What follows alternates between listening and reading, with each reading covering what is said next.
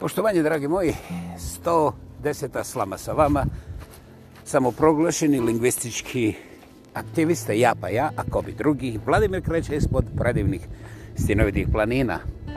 Nasuprot mome jučerašnjem obećanju, hej, znate, ne kažu kinezi uzalud, e, sad ne mogu da prevedem sa kineskom, ali za one koji znaju kineski to glasi ovako, obećanje čudnom, e, žvakaća guma, čini mi se. Da, da, da, da, da, sad sam provjerio, Google kaže da je tako. Dakle, obećanje e, nisam uspio izbjeći zbog, e, evo, upravo sam rekao Kineza, ali i jednog momenta koji ovom zgodom neću detaljno objašnjavati, jer ja poštujem najprije one programske prioritete ovoga podcasta, a to je refleksivno. Vi koji slušate, zapamtili ste. Dakle, ja imam refleksiju na nešto. Ja, I na nešto što je stvarno umočeno. Pa smo onda mi u to umočeni, pa onda premočeni, pa onda se ponavlja do te mjere da jedan takozvani svakodnevni čovjek to ne primjećuje i upravo to je to. Kada ljudi hoće informaciju, ili im ne daš ništa, ili im daš sve, i u oba slučaja je rezultat isti.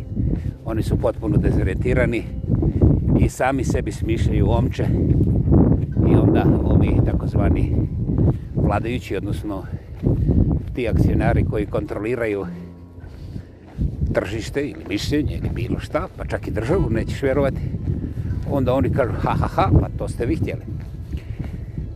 Nesreća je što to nije kompletna laž. Njajk.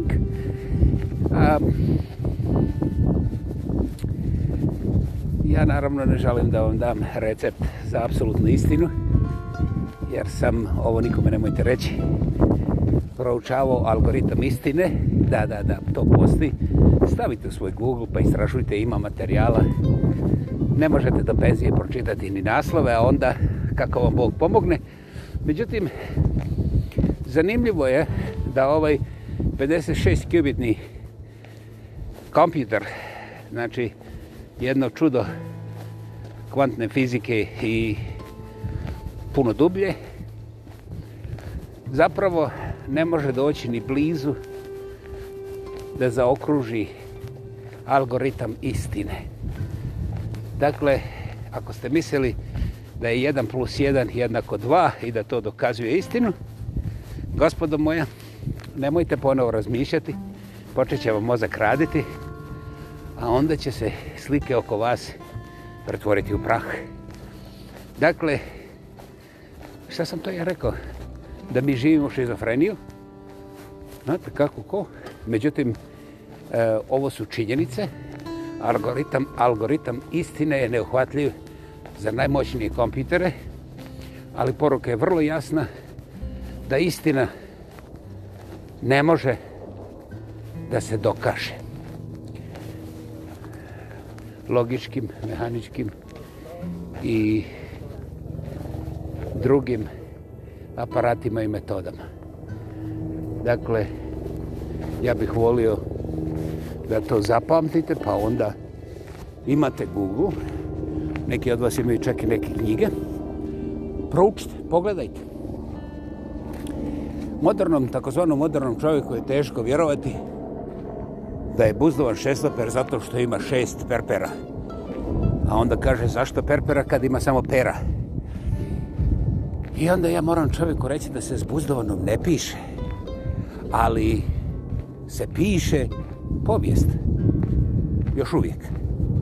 Dakle, u ovom takozvanom modernom vremenu mi se čudimo, prevrćemo, izvrćemo i imamo fetiš takozvane demokracije i nekakvog glasovanja koje je, bože moj, manje od perverzije jer vidite i sami kako se ti glasovi uh, rastežu, nameč, nameću, postavljaju i šta je znam kako sve već ovaj, koje metode se ne koriste uglavnom da skratimo stvar, onaj koji ima najviše para, nema nikakvog problema da dođe do toga pobjedničkog broja i da sjedne u državnu fotelju. Dakle, koliko je to uh, demokratski, ja, ko sam ja da vam to kažem, međutim, vrlo lako se možemo složiti kako Nikada dinastije nisu bile toliko, posebno ove interesne dinastije, ne mislim samo familijarne, što je ista stvar. Znači, te interesne dinastije, to su, to su grupe istih ljudi koje se uvijek ponavljaju i njima se guza lijepe za te državne fotelje na taj način koji mi ne možemo ni da zamislimo. A mi smo svi glasali kao i to je sve bilo pošteno i demokratski. Uživajte. Ono što sam ja primijetio, ne pripremajući se posebno za ovaj podcast, je I Bogu hvala što je tako. Pukljubi pred očima. Jebate miši. Nije problem u komunizmu. Problem je u feudalnom komunizmu. Znate? A mi smo samo naučili da mrzimo komunizam. I šta se desilo nakon ove demokratske rasvijete? Imamo čisti feudalizam. Nama se još uvijek seljaci slijevaju sa okolnih brda, sela, šta je znamo dakle, i ovaj, u te kao gradove. Znate? a ti gradovi su uglavnom bili u vlasništvu određenih nekakvih tamo i ovaj ni oni se nisu promijenili. I sad mi imamo dosta tih nekakvih stakloplastičnih vigvama, ali nemamo građana, znate?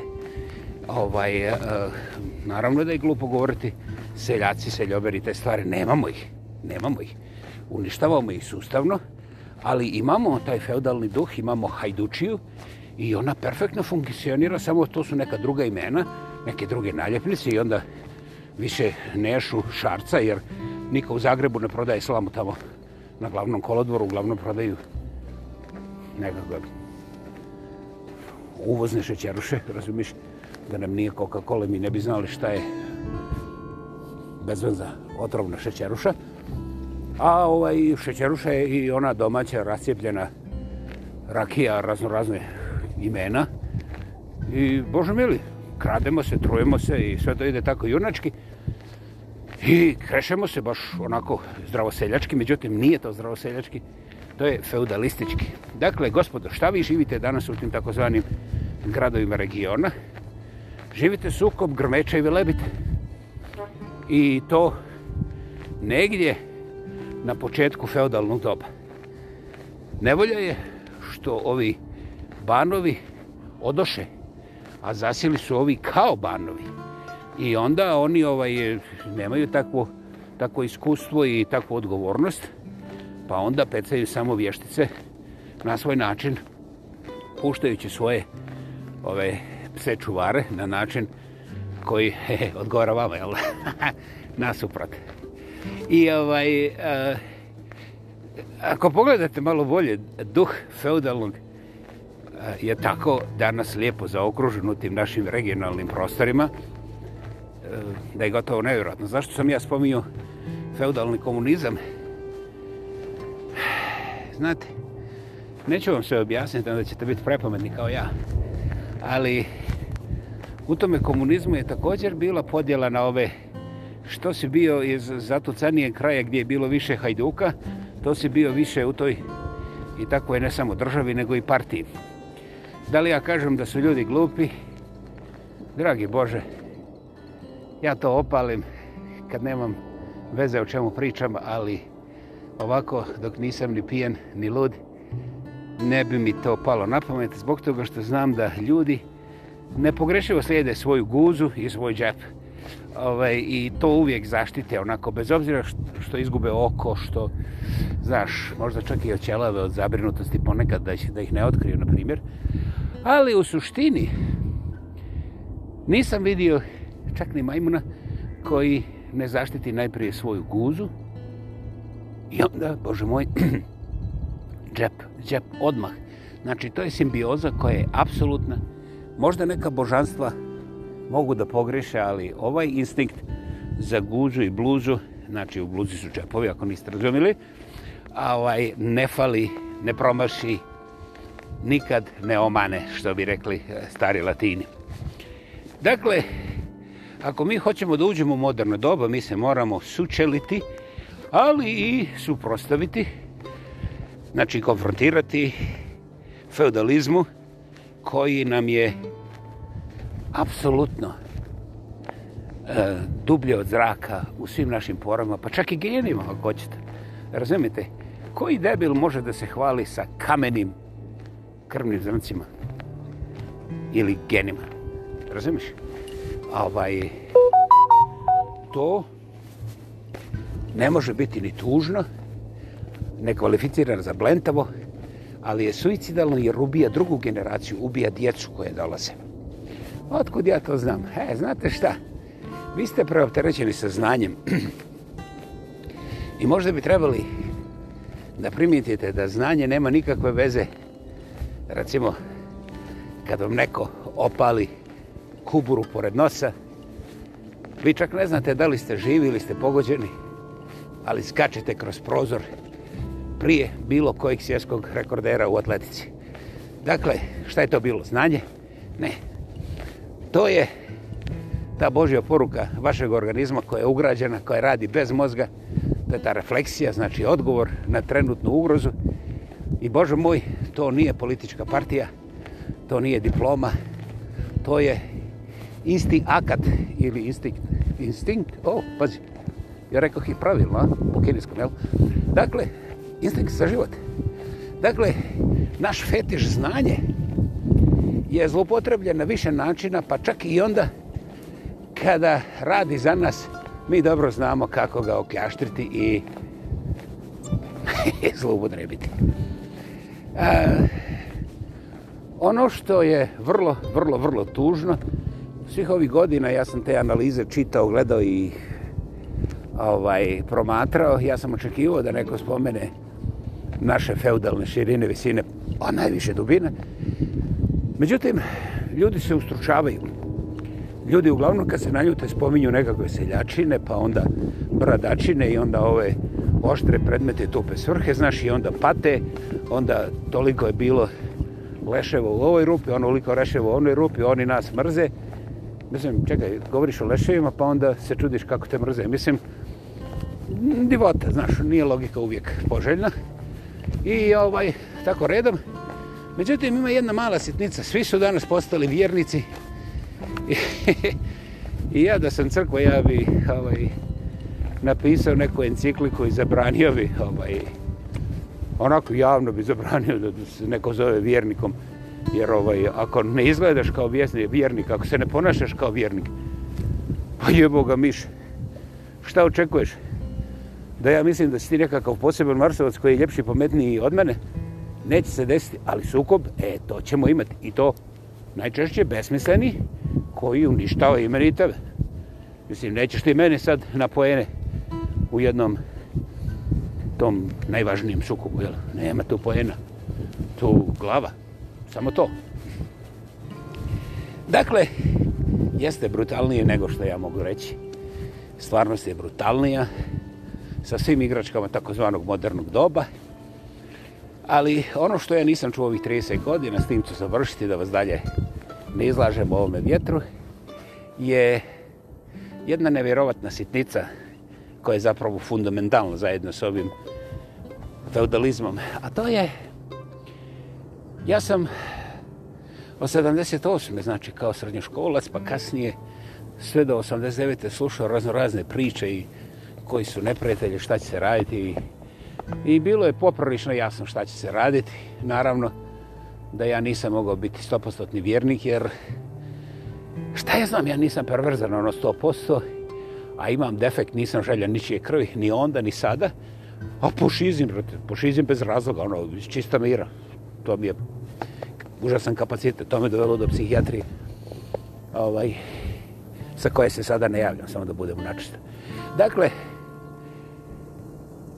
Ja sam slušao godinama sve te opcije, ali nisam nikada čuo da neko pita otkuda meni, kad takvi razgovori počnu, ona, znaš, nemoj mene pitati, to i ovako sve završava u ratu, sve će se raspasti, niko nije pitao za detalje, kao blašili su nekakve udbe, kudbe i šta ja znam čega, bullshit, i to manje od bullshita, ovaj, ljude nije zanimalo da li ja imam ideju, otkuda, kako, I to je okej.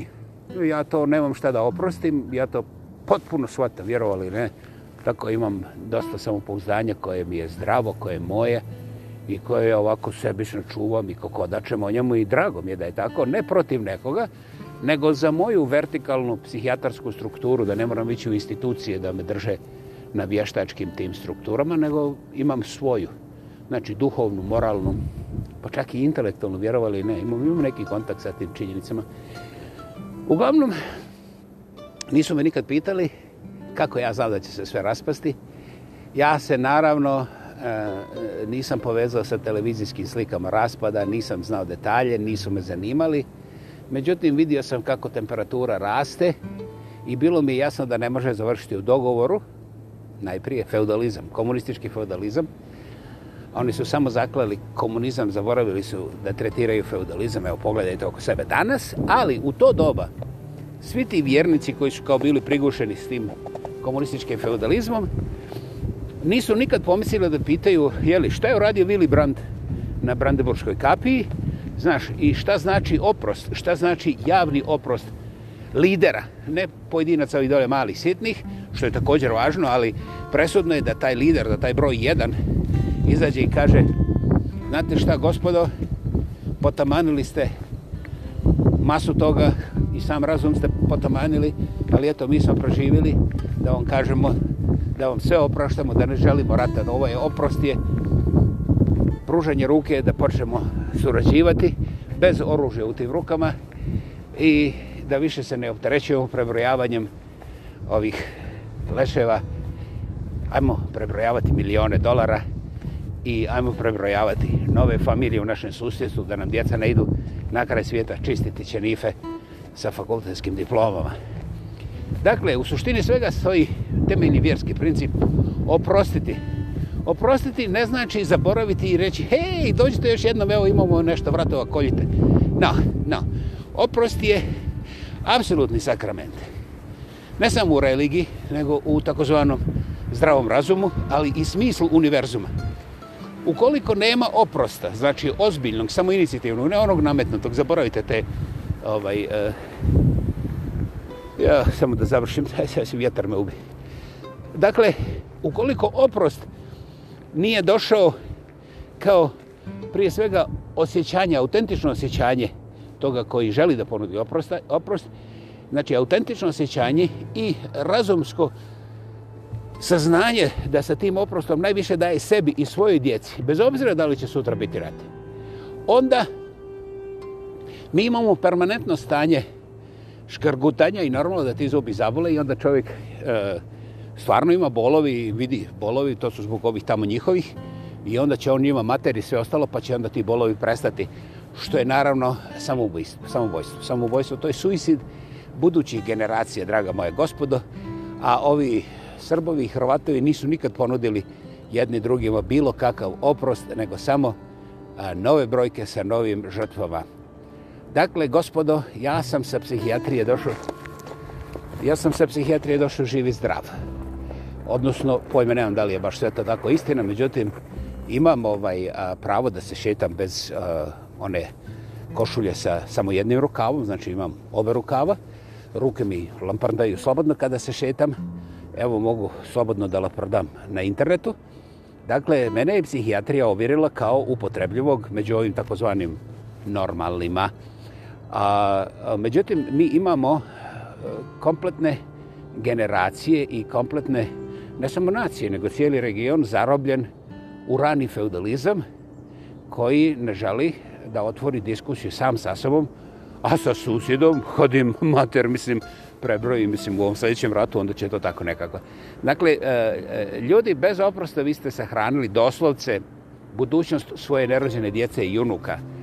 I ovaj, e, mrš tamo ne govori da sam ja pametan ni slučajno, je meni se sve raspada od muke, ja molim Boga da, da, da sve ovo ovaj bude laž. Vas čeka puno tih govnjivih ratova sa silovanjima i življavanjima, međusobnim pljačkama i palenjima. To znači da vi niste naučili dijalog i da uopće ne znate čemu dijalog služi, nego još uvijek dokazujete čija kita je veća, a to nije čak ni primitivno. To je ovaj sada već više nego hitna psihijatrijska situacija u kojoj niko ne pomisli na psihijatra.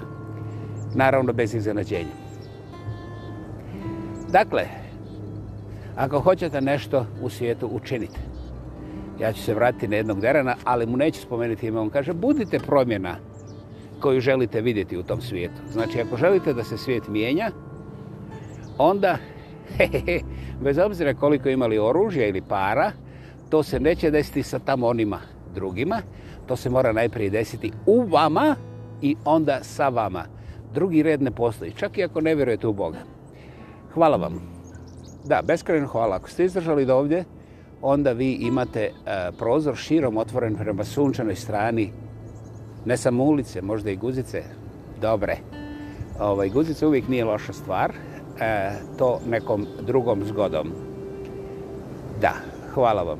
Izuzetno cijenim vaše strpljenje i nadam se i vjerujem da ljudi koji ovo slušaju, i te kako znaju upotrebiti svoje mišljenje, svoju poziciju i svoje resurse koje imaju u svojim rukama i u svome dometu. I to je ta promjena, najjača, jača od svih bombi i svih armija ovoga svijeta. Beskreno hvala. Bila je ovo 110. slama samostali, samoproglašeni lingvistički aktivist, monumentalno autentični, ja pa Jakov i drugi, Vladimir Kreće ispod predivnih stjenovitih planina, Još jednom hvala i imajte predivan dan. Čujemo se ubrzo.